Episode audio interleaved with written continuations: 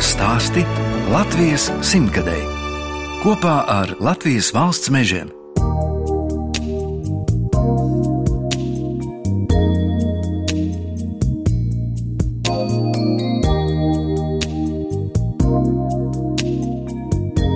Esiet sveicināti!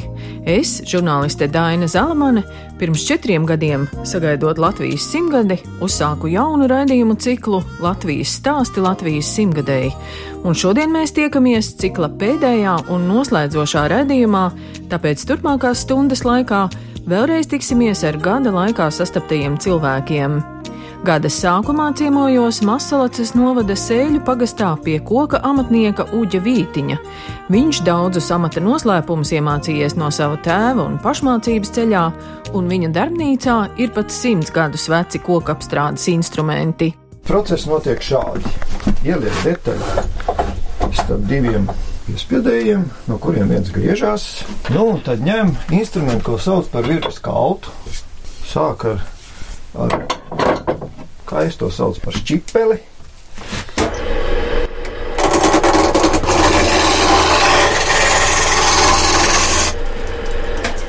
Tiek noņemts pirmais slānis, tad ņem ilgu galvenāku instrumentu un ņem un griež.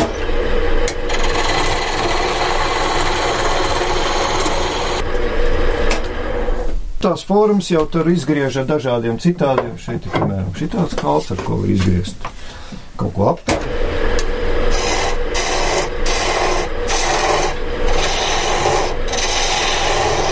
Kalts izdara griešanas darbību, kā rezultātā ir gandrīz vai gluda virsma, kurai tikai atliek smalko smilšu papīra parādīt. Un Tā arī izveido brīnišķīgas lietas. Šai virpai cik tad gadi varētu būt? Nu, nezinu. Es lielos, ka viņai ir vairāk kā man, un varbūt divreiz, un varbūt pat trīsreiz. Viss skrūvis ir kaltas, Kādreiz ir gribējis etnogrāfiskais muzejs šo virpu iegūt savā īpašumā, bet, nu, ārgaļīdis tā kā gudrs amatnieks, instruments tā nedāļā pa labi, pa kreisi. Ir kaimiņam tā virpa bijusi. Nu, viss pamiņas, viss vēl ir, viss pararat vēl ir, es varu pielikt un sākt mīt ar kājām. Bet tas nav vajadzīgs, ir elektrība. Daudz ir tādu koku darbu, kur ir jāsaprot, kā tas koks uzvedīsies tad, kad tā detaļa būs pabeigta, un pēc gada, kad Latvijas mainīgais klimats sāks ietekmēt šo detaļu. Piemēram, taisot ārdurus, ir jāņem ļoti daudz faktoru vērā. Tu nevari vienkārši paņemt koku dēli, pievienot tam vēl vienu, vēl vienu, vēl vienu durvis gatavs un priecāties, ka tev tur durvis. Jā, viņas ir, bet ko tās durvis darīs, kad viņām parādīs ļoti daudz saules un ļoti daudz ūdens? Briedīs. Viņas taisīs liels ziepes, ja viņas nebūs pareizi iztaisītas. Tie ir tādi tie amatnieki knifiņi, kam būtu jāiet no paudzes paudzē. Darbnīcas vidū stāv šobrīd lielākais galdnieka uģa vītiņa darbs - koka kāpnes. Jā, tā ir apaļums. Teicāt, noņemšu skaidu vai kā tur bija? Jā, tā skaitās skaidrs noņemts. Es tā no malas kā neprofesionāls teiktu, ka jūs tā kā slīpējat tur, lai viss tāds līdzenāks. Jā, te ir liektā forma un tas viss ir roka darbs no A līdz Z. Neko ar mašīnām izdarīt nevar, tikai ar roku viss jādara. Ar rokām šādas Jā. kāpnes, cik ilgā laikā var uzbūvēt? Šitās to bezkaunīgi ilgi jau mēneši, četri. Bet nu gan jau būs. Šeit ceļu pagastā ik viens, kas atbrauc, Var arī apskatīt tādu lielu jūsu darbu, tiltiņu un lapenīti. Jā, tas ir mans eh, lielākais namdara darbs. Es ar ārā darbiem īpaši nenodarbojos, bet nu, šis ir pats lielākais. Bija ļoti liels izaicinājums uzbūvēt tiltiņu līdz saliņai un lielu lapeni. Tādā formā, kā es arī agrāk neesmu nekad taisījis un diez vai kādreiz taisīšu. Man prieks, ka es to katru dienu redzu un novērtēju un varu apskatīt, vai tur kāds nesēžās, bet nu, stāv viss tā kā nolikts. Jums tagad rokās ir krēsls. Šitas ir parastais, parastais galvenieka darbs. Atnes vecas mēbeles, kas izraktas nezinu no kurienes, un tad nu ir jādabū cilvēciskā skatā, un, un lai būtu vēl lietojamas. Jo tagad tā moda uz tām vecām lietām pieauga. Tās vecās lietas ir mazas, un padomju mēbeles šādam priekam neder. Tad nu, cilvēkiem vēl ir Latvijas laika mēbeles, kuras tiek atjaunotas Darbs ir diezgan nepateicīgs, putekļains, bet rezultāts ir tā vērts. Tā ir bauda, ka var redzēt, kā amatnieki agrāk strādājuši. Katru šeit krēslam kājiņu, vai ne? Jā. Varētu uztaisīt, nu, vienāda resnuma. Šitas liektais ir karsēts bērs un locīta kāja, lai būtu atzvelta un ērta mugurai. Un šitie ar visu spraislīši ir locīti karstumā no losīša taisīti. Nu, man tagad reizēm veikalā šķiet, ka tās mēbeles un daudzas lietas tiek veidotas tā, nu, lai desmit gadus nokalpo un tad met ārā un Jā, pēc atkal jā. jaunu. Desmit gadi tas ir labi. Ir sevišķi no Skaiplats un ir sevišķi no Ķīnas vai no Polijas, kur nācis. Mūsu tikšanās noslēgumā Uģis Vītiņš izņem akordionu, ko pats arī saremontējis. Koka amatnieks ir arī vairāku dziesmu autors. Agrāk bija tāda problēma, ka man nebija savi instrumenti. Es viņu tā kā ņēmu no, no radiniekiem. Man nācās saremontēt divus akordionus. Un tad es dabūju šo akordionu. Viņš bija nospēlēts, nostājis nepareizi, un nācās tur ielikt ļoti daudz darba. Iemācījos pats skaņot. Arī akordions ir jāskaņo. Jā, mēlītis kādreiz sāk ķerties, kaut kas tur ierūsē, un kādreiz nu, dažādas problēmas tur gadās. Mūzikas instruments diezgan cimpelīgs, un arī šo amatu es iemācījos pats. Svētsvinīgi klusē sīli sniega ziedos balti zīli. Aizsnigušas visas pēdas, sirds uz brīdi aizmirst bēdas.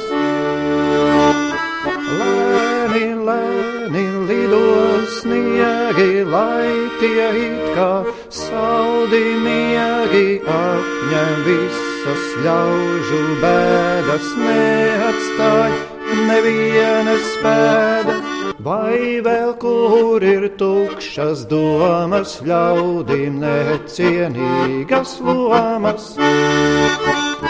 Visu tīri apģērbusi pasaule, panākti klusi. Lēni, lēni lido sniegi, lai tie it kā saldi miegi apņem visas ļaužu bēdas, neatstāj nevienas pēdas. Latvijas stāsti.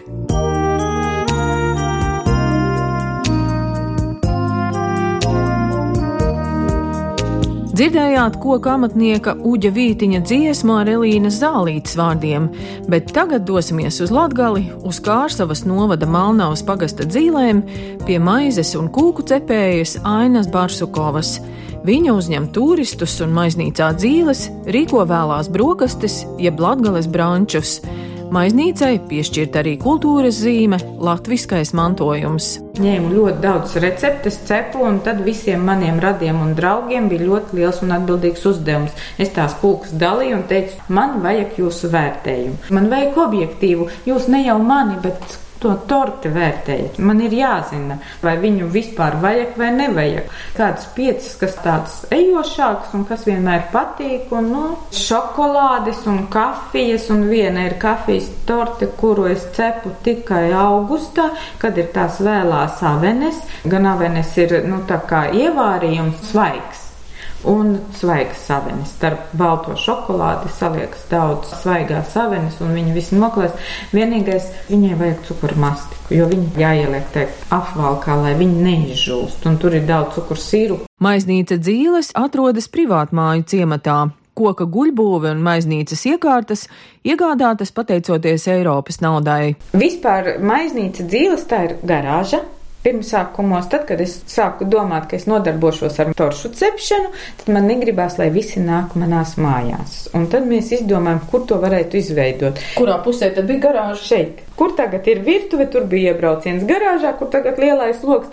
Jo šeit pie kopējās apkuras mēs varam pieslēgties. Un izveidojas virtuvīte, pēc tam pēc projekta top blakus maiznīca, arī maizes krāsnes tā lielā. Elektriskā. Jā, un arī nesāku ar lielo maizes krāsni, bet iesāku ar maziņu, jo tad tu saproti, vai tas patīk vai nepatīk, var, nevar, un tad tu sāc domāt. Šeit maiznīcā ir tāds dzirnakmens, un jūs teicāt, ka tas ir saistīts ar jūsu dzimtu. Tas ir saistīts vispār ar vīra dzimtu. Vīrs saka, es atceros, pie manas babas bija divi dzirnakmeņi. Tās mājas ir pamestas jau sen, un mēs aizbraucām, mēs atradām. Un tad mēs dabūjām to skaisto kāju, ko to dzirnakmeni var nolikt, un tā ir ļoti laba vieta un laba ideja. Jā, tas ir tā kā galdiņš tagad izveidots. Tad iesim apskatīties vēl šo telpu. Tā ir īstā maizes krāsnes. Jā, šeit ir īstā maizes krāsnes, kur es arī cepu maizi. Citām varbūt nav tik skaistas durtiņas, kā jums tur Jā. ir uzliktas. Jā. Nu jā, jau četri gadi ir. Pieci. Nu, bet te jūs tad rupmaizi cepat. Jā, šeit es cepu rupmaizi, šeit arī var izcept baltmaizi, un šeit arī var salikt dažādus ēdienus, kas gatavojas. Un šeit ir arī malkas plīts, tā kā jā, var sakurināt, lai ir jā. silts. Un arī tādas bērza pagalītes, jā. jā, kad dienā, nu tā kā uzreiz, nu kā laukos pie Omas. Bet kāda ir Ainas Barsukovas ceptā dzīļu maize, kas jau kļūsi par Kārsavas novada simbolu? Dzīļu maize ir īpaša, jo tajā ir kā ieraugs dzērviņu ievārījums, tur ir rozīnes, klijas un lincēklis. Tā maize ir salda. Nē, viņa ir salds kāba. Viņa ļoti labi sadara tieši ar sieru priekš manis tas ir vislabākā sadarbība. Bet, bet tā viņai. ir baltmaize? Nē, viņa ir pelēka drīzāk. Nu, tā ir dzīļu maize, un tad man ir tā sēklu maize, ko citreiz vietējie, kad atnāk, viņi saka, mums to godalgoto, kas ir dabūjis Rīga Food izstādē trešo vietu tautas garšā. Un arī rudzu maizē savā, kad es cepu, es lieku brūkliņu ievārījumu. Man liekas, tas ir ļoti labi un labi saskaņot. Bet šodien ar ko jūs man cienājat? Tā ir vieglā sēklu maize. Droši vien arī elektriskajā krāsnī ir vieglāk izcept, ka tā temperatūra tomēr visu laiku ir vienāda. Un... Jā, un tā, ka tu esi viens un tev ir daudz darbu un ka tu visu dari gan kūku cepumu pusdienas, tad nav tik viegli izcept. Tie, kas cep īstajā maizes krāsnī ar malku, to priekšais noņem cepuri. Tas ir smags darbs. Viens, kas jāsamīts tā maizīte, lai viņa būtu laba, un otrs tev ir jāizkurina tā krāsnes. Kā viens smējās, tu esi kačagars un cepējs, tu esi viss vienā. Jūs jau man rādījāt, ka te pie tā mazā galda sabrauc bērni un taisa pizzas. Jā, un tad mēs ar bērniem vēl taisām arī maizes degustāciju. Pieci veidi maizes, jo mazāki bērni, jo viņiem vairāk garšo rūcu maizi. Un bērni ir nesabojāti, un bērniem man patīk, viņi ēd maizīti vienu. Un tad mēs vecāki, protams, domājam, nu kā, nu uzsmērēs miestiņu, uzliec tur vēl kaut ko, bet bērns jau ņem, viņš ēd vienu pašu maizi, viņam garšu. Pieauguši arī brauc un izcep, un mēs cepam, un arī tā, ka viņi atbrauc uz kādām pusdienām, un tad pa vidu mēs uztaisām arī kādu maizes cepšanu. Pusdienās, ko tad jūs parasti dodat? Tā ir sezonas zupa noteikti, bet zupa vairāk tā kā dārziņa. Tad bieži vien es piedāvāju grūbu putru, kartupeļu cepetis. Kamēr cepetis trīs stundas cepās, tu padari visu pārējos darbus. Jūs cepat tā kā tādas linkās saimnieces, ka iemet tajā maisiņā? Nē, manās mājās rozmarīns un timjāns. Bez tā es vairs nevaru sen iztikt. Un arī cepešiem var ieliet gan alu, gan vīnu apakšā, un tad uz tās tādas kā pirtiņas viņi sutinās. Un arī latgaļu asuškas piedāvāju, ja ir vēl tas ir tas kļotskas. Jā, pie mūsu pusē sauc asuškas. Mēs vairāk dzīvojam tuvāk Krievijas robežai, tam mums ir asuški. Krievu valodā suški branki. Tas bija latgaļu goda ēdiens, kur izcepa saulaicīgi, viņš arī sažuva. Tā ir būciņa, nu, viņa bija parastāka būciņa, tagad mēs pildām ar biespienu iekšā, bet viņa tā kā sažo. Un tad, kad nāca goda diena, tad noņēma to saldo krējumu, to tumino virsus, ielika tur klāt cukuru, sviestiņu, uzkarsēja un iesvieda tur iekšā tās būciņas, un viņas tur sāka sutināties. Un viņas paliek mīkstas. Godēdiens bija kādreiz. Vislielākais izaicinājums manā dzīvē ir bijis tad, kad eh, bija jābrauc uz Sanktpēterburgu, uz Latvijas konsulātu, un tur bija jābaro 200 cilvēku. Tur bija Latvijas dienas Sanktpēterburgā, sākumā konsulātā, un tad bija Kirova parkā, tirdziņa. Nu, bet tas ir pāris dienas gadā. Jā, tur ir Latvijas ēdieni, tur ir gan speķis, gan alus, gan vīns, bet tur ir viss Latvijas.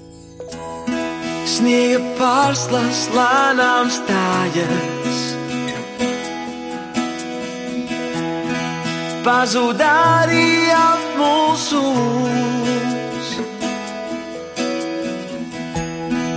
Mazliet sāls tev deguns rozā.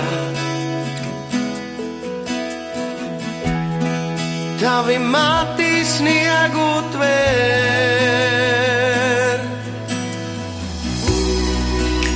Lai atver mūs smaidīs sildīs. Lēnām kustot sarunās. Mūs kopā būt gaismā un šajā svētku sajūtā kad liesmas kļūst karstas, lai jau tas ledus kūs mums šajā svētku sajūtā, kad liesmas kļūst karstas, lai jau tas ledus kūs. Tavu seju rotās sārtus Un viņš šķiet tik maz svarīgs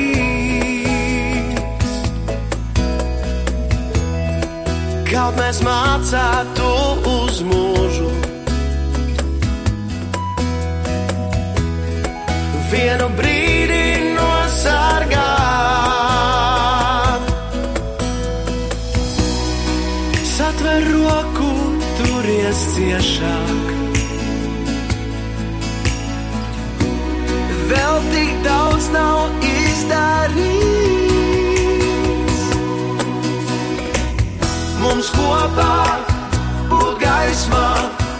un šajā svētku sajūtā, kad liesmas kļūst karstas,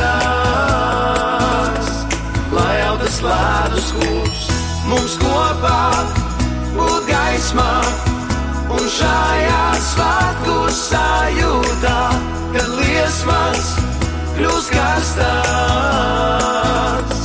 lai jau tas ledus kūst.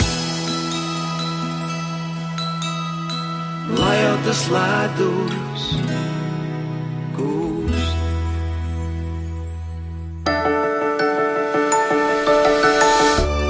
Latvijas stāsti.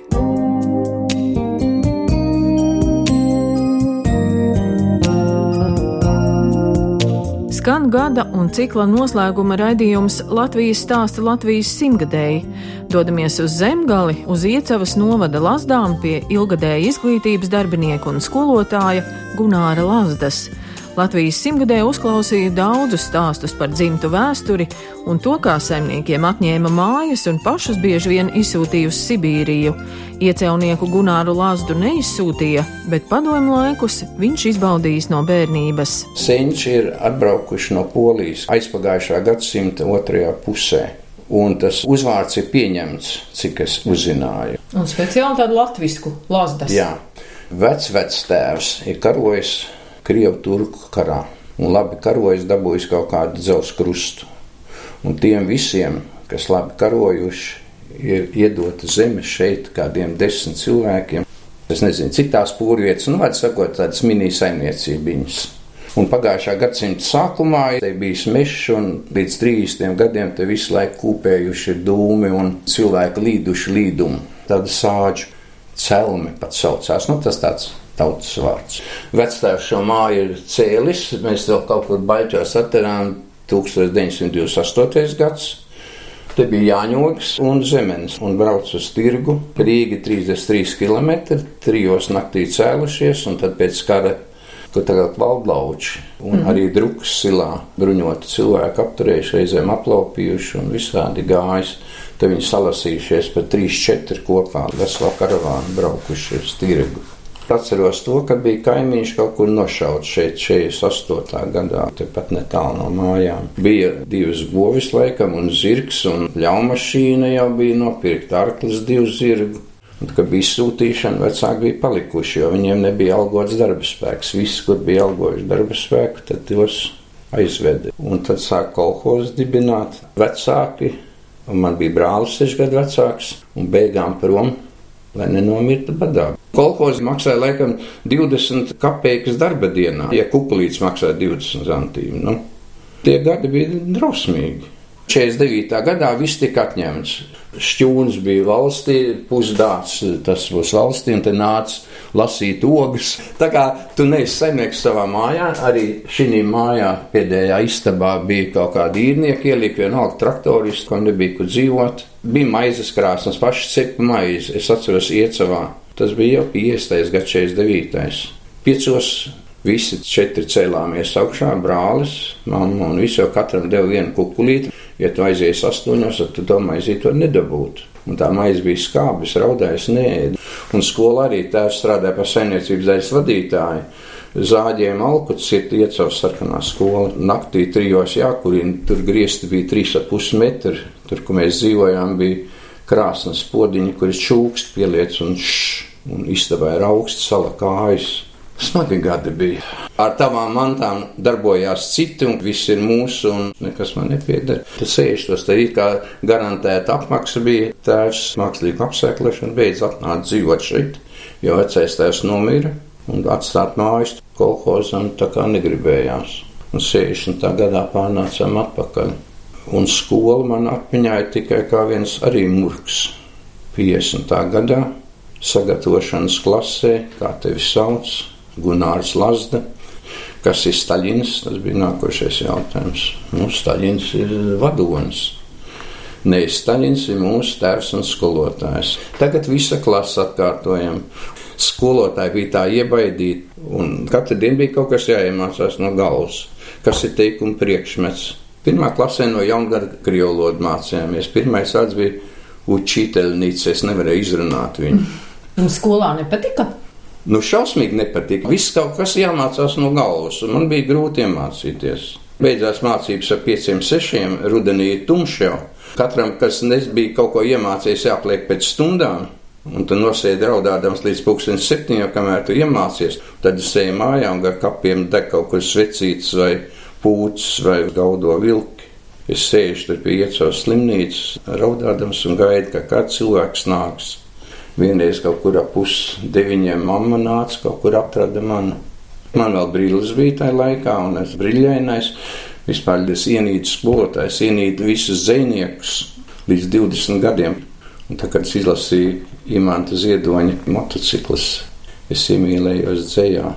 Imants Ziedoņa dievinu vienkārši. Gunārs Lazda strādājis Jālgavā, sanatorijas internāta skolā bērniem ar kustību traucējumiem, bijis arī Jālgavas profesionāla tehniskās vidusskolas direktors. Skola strādāja četri vai pieci gadi, un es biju septītais direktors. Tad, tad bija iemācījušies direktors novākt, ja ne, tu nedaries tā kā kolektīvs grib. Savu katlamāju kurinātāju par 71 nestrādā. Tu neko nevar prasīt, un naktī sadzērušies un aizstāvst apkuri Un tad celies augšā, vēl kādas vecās drēbes, eju uz katlamāju un kurīni. Nu, ko, nu, rītā būs aizsals. Tad, būdams direktors, jā, būdams direktors, mierīgi ceļos. Kāpēc es biju septītais direktors? Tāpēc, kad noņemt direktoru bija ļoti vienkārši. Piezvana, kad no rīta ēdnecā ir remdens ūdens. Lai mazgātu trauks, ir jābūt, teiksim, nu, seši, es nezinu, cik, bet viens ir piezdījis, sanepīt stacija, atnāk komisija, šodien mēs pārbaudīsim to, to, to. Jums nav ūdens, mēs slēdzam ēdnīcu ciet, kur pusdienas ēdīs. Tā nav mūsu darīšana. Drausmīgi. Izskatīt partijas birojā, vai ir cienīgi, kad skolas direktors iet uh, oktobra parādē ar tādu cepuri. Nu, tā būtu buržāzijas palieka. Jā, tas angļu katliņš vai kas bija tādām. Mm Vai tad, vai tad tiešām nevar nopirkt kārtīgi cepuri? Mums ir kauns ar pižiku vajadzēja. Pa paha vēl toreiz. Un tad bija jābrauk arī kā audzinātājiem viss vecāki par mājas apstākļiem jāuzraksta, kā viņi tur dzīvo. Es kādreiz uzskatīju, ka pēc 50 gadiem skolā nevajadzētu strādāt. Un pats nostrādājot līdz cik? 66. Lai strādātu ar skolniekiem, šodien es no savu viedokļu uzskatu, ir ļoti bīstami. Tu brauc ekskursijā un viņi paņem polšu līdzi, vai smēķē aiz stūra, tu to redzi, kā tev rīkoties, iet uz konfliktu, neiet uz konfliktu. Ja tu piemiedz acis, noteikti atradīsies kāda mamma, kas piezīmēs, ka tur dzeršana bija, un tev no darba jāaiziet. Ir. Tā kā skolotājiem nav vienkārši būt. Skolotājiem jābūt harizmai, tev jāsavāc ir 30 cilvēki, un viņiem jābūt klusi un jāklausās. Ja klasē disciplīna nav, sekums nebūs. Psiholoģiski jābūt, viņam ir runas kultūra, jā, viņai ir arī zināšana jābūt. Nu, nevar būt, ka tu neesi bijis Eģiptē un 4. klases bērns saka, ziniet, kā Eģiptē tur viņa māca kaut ko citu. Un jums ir pociņa telefons skolotāji, ka te jūs šitādi. Tev netur par cilvēku vispār nav īstie džins ar caurumiem. Darbs ir jāapmaksā atbilstoši. Ja tu ej uz to, tev jābūt talantam, ka tu vari to cilvēku sarunāt, viņš tev klausa. Tā ir tik liela diplomātija, lai tu strādātu pie skolotāja zināšanām, jābūt. Un tam telefonam arī jābūt, un tev jābūt noskatījies Kaupēra koncertu. Ir rīts un kā aizliegts ābols, smaržo mūsu dārs.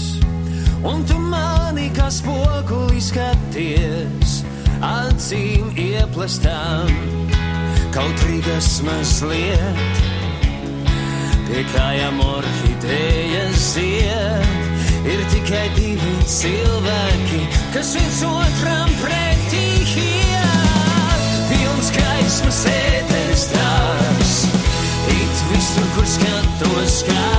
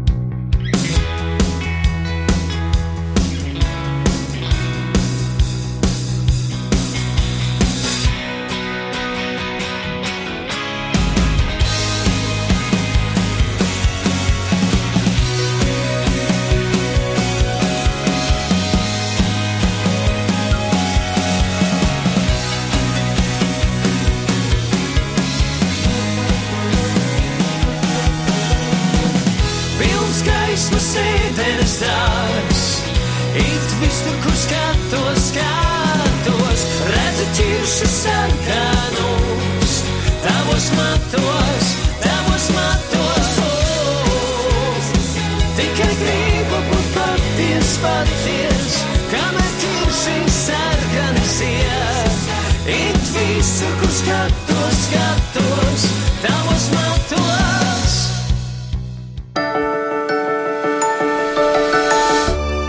Latvijas stāsti.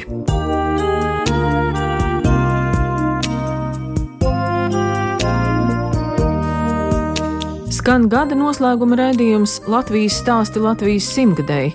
Par godu Latvijas simtgadēju šogad uzņēma daudzas filmas, tika uzrakstītas arī daudzas grāmatas. Tradicionālās kultūras pētniece un vairāku grāmatu līdzautore Ieva Vītola no Vidzemes sējas pagasta bundziniekiem par savas ģimenes vērtīgāko simtgades projektu savu ceturtā bērna dēla augusta nākšanu pasaulē. Bet kopā ar kursa biedreni Signi Pucenu no aizputes viņas izdevušas 21 tradīciju burtnīcu. 2005. gadā mēs ar Signiju pirmo reizi patstāvīgi uzorganizējām ekspedīciju aizputē par pilsētas folkloru, ko vietējie aizputnieki zina stāstīt. Veselu nedēļu strādājām. Un tad likās, lai nepaliek tas, ko mēs intervijās uzzinām un lauku pētījumos dokumentējam, tāpat vien guļam plauktos vai mūsdienās kā jau datoru failos, ka vajag interesantākos un raksturīgākos fragmentus publicēt. Vēl ir viena pazīme tradīcija putnīcām, ka mēs tikai tās tēmas pētam, kas mums pašām interesē. Tad tā putnīca arī iznāca 2007. gadā par kanču tecināšanu, jo tajā laikā tā bija pilnīgi vēl pagrīdes nodarbošanās, mums arī tie teicēji tur ir anonīmi. Jā.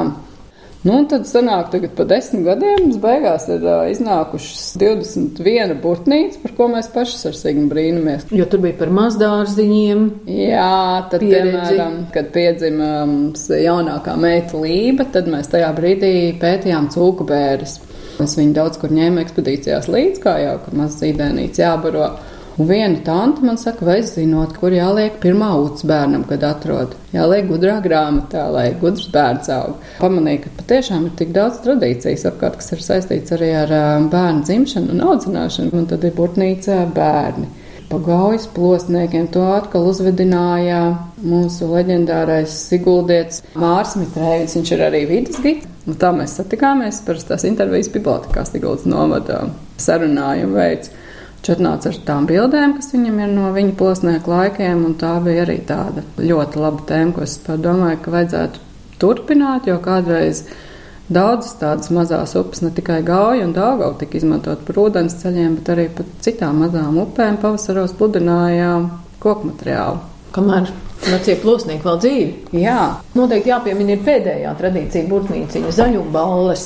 jā, Tā iznāca laikam par godu simtgades zaļumballei. Jā, tā tas ir. Un uh, Jolanta Borīta no Simtgadus biroja atrakst man īziņu. Ko tu zini par zaļumu ballēm? Mēs esam ar Signu par to tieši iepriekš arī runājuši, ka zaļumballs būtu tēma, ko vajadzētu pētīt. Parasti mēs tādu burtnīcu tomēr vidēji divi gadi aiziet, lai sagatavotu, lai tas pētniecības process, tad makets, druka.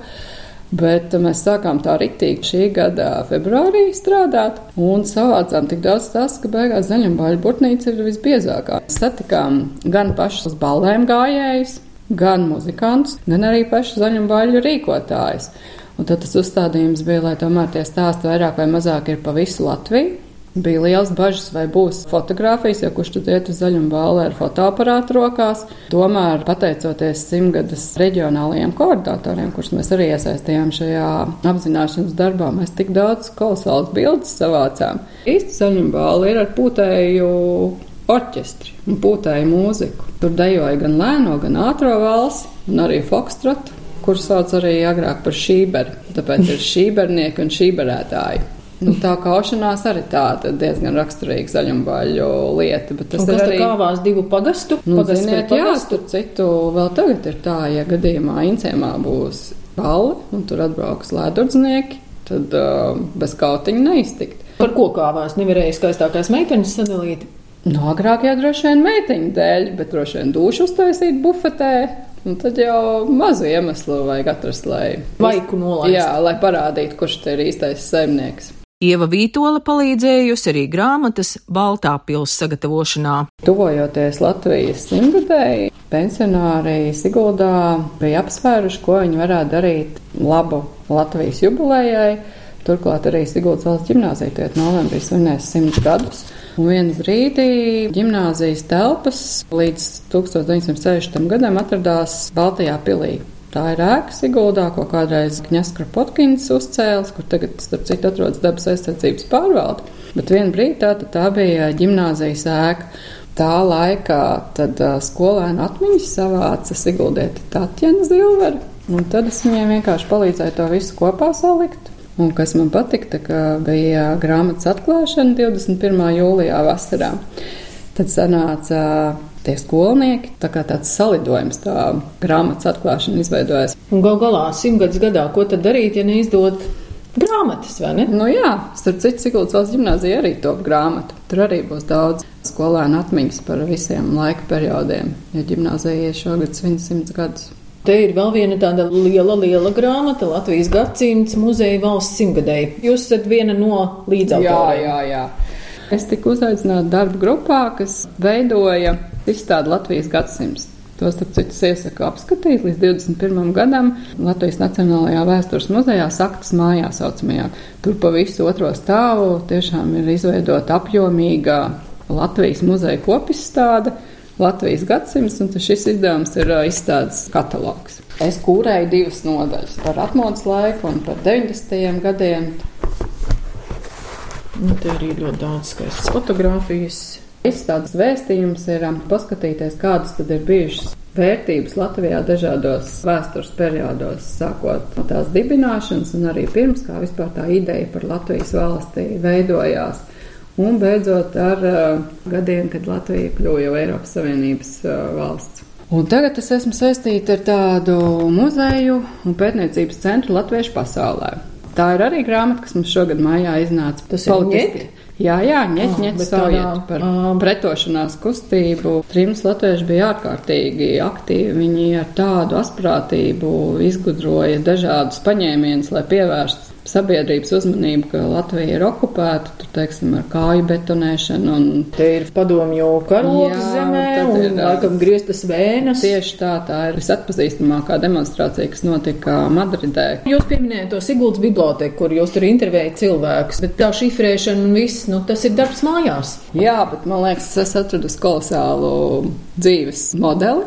Man augšā bibliotekā ir tā mana darba vieta ar skatu uz gauju. Man ir datordienas vai rakstudienas, kad es tiešām šifrēju, gatavoju manuskriptus, atbildu uz ēpastiem. Un tad ir tā saucamās izbraucamās dienas, kad es arī sarunāju tātad intervijas vai dažādas tikšanās, savu plusu un mīnusu darbam mājās. Reiz pietrūkst tādas diskusijas un sarunas, jo tomēr vienam mājās klusumā strādājot ir ļoti ražīgi tas viss, bet arī pietrūkst tāda doma apmaiņa. Bet to es atkal kompensēju tajās izbraucāmajās dienās. Vai arī mēs ar Signi viņu aizputēju arī jau mazpilsētā. Mēs varam stundām norunāt un izrunāt visu, kas sakrājies vai kas uzzināts. Tas lielākais pluss ir, ka to visu var apvienot ar ģimeni, ar bērniem. Jums ir četri bērni. Jā, rīta cēlienu pusdienas laiku strādā, un tad ap četriem sāc strādāt par ā, ģimenes šoferu un guvernanti, kamēr viss bērns no Siguldas ā, izvadā pa pulciņiem vai pa sporta skolām, mākslas skolām, tad atved mājās, un tad jau ir vakariņu laiks, un tad mācības. Ļoti labi, ka to var apvienot. Pacēl skatu uz austošo sauli tur, kur spārnotas debesis kliedz.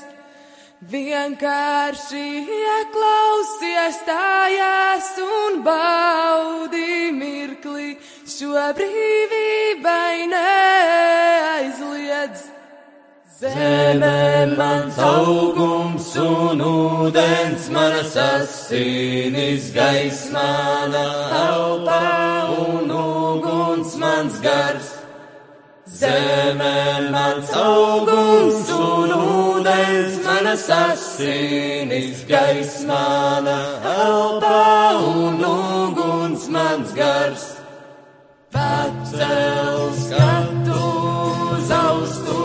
Austošo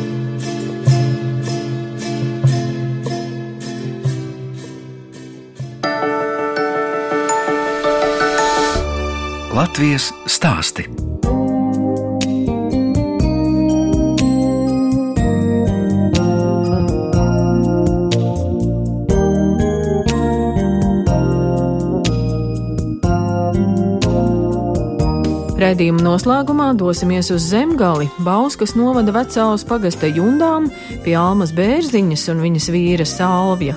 Viņi šogad konkursā sējais iegūt titulu Jaunais veiksmīgais zemnieks. Alma stāsta, ka viens no viņas mērķiem saimniekojot laukos ir lauzt stereotipus par to, ka laukos daudzi lieto alkoholu un pārtiek no pabalstiem.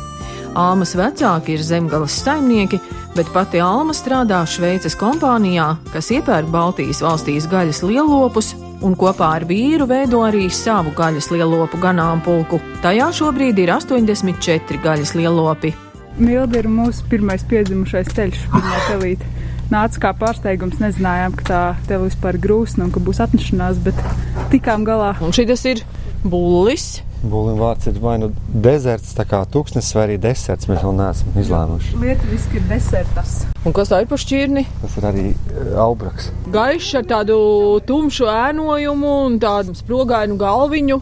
Bet ir kādam vēl Latvijā aubraki? Tas ir tāds retums, jā? Abraka ir kaut kādās vēl 3-4 saimniecībās, bet Lietuvā tā ir top 3 nekā noteikti tieši pie gaļas ražošanas nobrošanas. Un tad mēs tā kā redzot, ka lietuvieši zina, ko viņi dara, lielo gaļu ražojot, mēs ņemam piemēru. Meitenes mēs nopirkām no Igaunijas. Un tad mums te visas trīs Baltijas valstis satiekās. Ir uh, Latvijā dzimušās, un ir Igaunijas, un ir Lietuvas būlis. Tad mēs tā visu kopā. Tam vienam paskat ir kādas pilnīgi spalvainas tās ausis. Kas tā ir pa šķirni? Tāda nav redzēta. Mazliet no galavējas šķirnes krustojuma klāt. Latvijā viņas ir tikai pāris saimniecībās, jo vairumtirdzniecībai nedara kā šķirni, jo viņi ļoti lēni aug.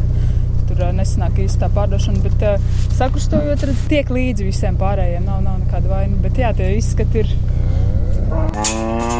Šī nozara vispār Latvijā ir ļoti interesanti, jo latvieši visi laiž projām eksportā tos mazos teļus. Ātrāk nauda nāk. Nu, jā, ātrāk tas viss grozās, bet man kaut kā gribējās, lai tas arī ir. Ja Polija, Turcija un visas šīs valsts pērk tos teļus, tad mēs arī pērkam no eh, saimniecībām un nogādājam uz savu novietni, pabarojam to pusgadu vai gadu un uh, pārdodam jau gaļas tirgumu. Tas ganāmpulks ir tāds raibrais, jo nāk no dažādām saimniecībām, nāk arī dažādas kvalitātes, un ir interesanti vērot, un pētīt un mācīties, kā to visu pareizi darīt un ekonomiski izdevīgi darīt. Bet nu, ir skaidrs, ka mēs tā kā noteikti gribam palikt pie tā, lai ir tas bariņš raibs, bet galvenais, lai viņi tiek baroti, gan labi baroti, lai viņi aug, svarā pieņemās un beigās tas gaļas produkts arī izveidojas. Almas vīrs Salvis sevi sauc par lopkopi, nevis saimnieku. Es ar pārsvarā viņus tikai pabaroju un apsalmoju.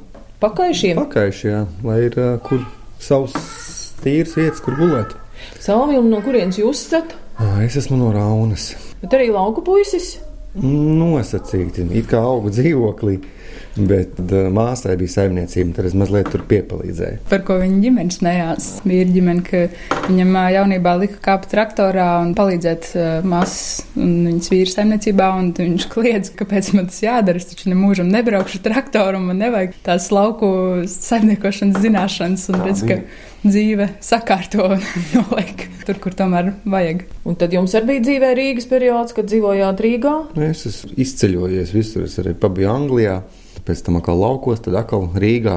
Tad tā mētājos, un tad bija doma, ka es palikšu Rīgā, bet nekā nesanāca. Un Anglijā, ko jūs darījāt? Pirmās divas nedēļas īstenībā nebija. Pēc tam es atradu, es no sākuma tur krāsoju trūkumus, bet uzdienējos tik tālu, ka beigās pēc rasējuma lodējām kopā kondicionierus.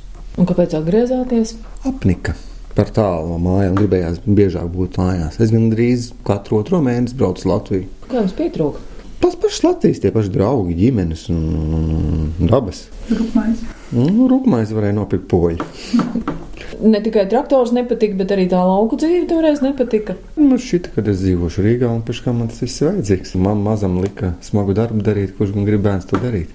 Un redz, aprecējot saimnieku meitu. Mm -hmm. Tagad jāsaimnieko. Tagad visas dienas vienādas, vai pirmdiena vai svētdiena nav nozīmes. Ikdienā tad uh, sieva brauc strādāt algotu darbu, un jūs tomēr vairāk pa māju. Nu, tā sanāk. Mēs tādā pārmaiņu priekšā esam, jo tie pirmie gadi bija nepārtraukti kustībā un gandrīz vai dzīvošana mašīnā, braucot pie klientiem un darbojoties. Bet nu, mēs esam sakārtojuši tā, ka es esmu vairāk kabinetā mājās strādāju, nav tik bieži jābrauc. Kolēģi izdara pirkšanas iegādes darbu. Atceros, kā mēs sākumā divi kopā salmus bērām un uh, mikroelementus nesām un kopīgi darījām, tad tagad tas ir vairāk vīram, jā, jo man ir tie kabineta un bērna audzināšana. Es tagad skatoties, redzu to veco fermu, bet arī te ir karoga masts.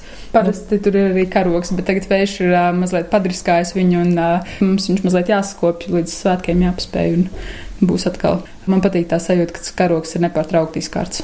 Es nezinu, vai tie ir vectētiņa vecmāmiņas stāsti vai vēstures stundā apgūtais, bet zinot to, cik nesenus gadus atpakaļ latviešiem nebija iespēja vispār izrādīt piederību savai tautībai. Tas arī kaut kādā veidā mazliet pabarot pašapziņu vai dvēseles stāvokli, ka mēs varam lepoties, ka mēs esam latvieši un mums ir izcīnīta tā brīvība un uh, ka mēs varam arī lepoties ar to, ko mēs ikdienas darām, jo mēs daudz un smagi strādājam un patīk tā sajūta. Un tā kā te ikdienas darbos ieracies un pasēdi mazliet pavērot to karogu.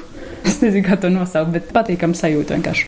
Dzirdu vecos cilvēkus, kur ir izgājuši cauri stūra mājām un visiem vēsturiskajiem procesiem. Nu, es esmu dzimusi jau brīvā Latvijā, es par to varu tikai klausīties un brīnīties. Bet viņi saka, ka Latvija nekad nav dzīvojusi tik labi, cik ir tagad. Un, protams, vienmēr ir kur piesieties, un vienmēr ir Eiropa priekšā un Amerika priekšā, kuras pēkšņi pāris gadu neatkarības laikā gribas jau iedzīt un paspēt visu to pašu, kas ir šajās senajās valstīs. Vienmēr ir kur augt, bet nav arī tā, ka viss ir slikti.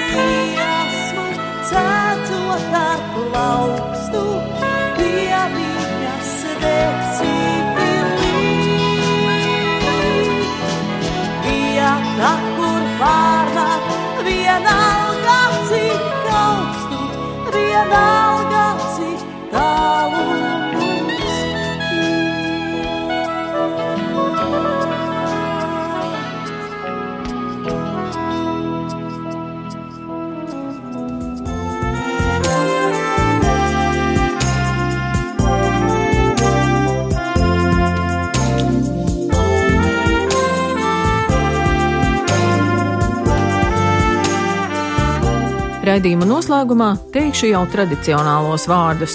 Paldies visiem, kas atvēra savas durvis un arī savas sirdis, lai četru gadu garumā taptu raidījumu cikls Latvijas stāsti Latvijas simtgadēji. Bet kaut kā beigas vienmēr ir kaut kā jauna sākums. Jaunajā 2019. gadā tiksimies tajā pašā laikā, sestdienās, 16.5, bet jau jaunā raidījuma ciklā Stiprie stāsti. Stāstīsim par cilvēkiem, kas pārvarējuši savus nevaru un negribu un spējuši sasniegt savus mērķus. Gudrību saimniekošanā, saticība ģimenē un veiksmi ikdienā jums jaunajā gadā vēl žurnāliste Daina Zalamane un operātore Inga Bēdele. Uz tikšanos jaunajā gadā!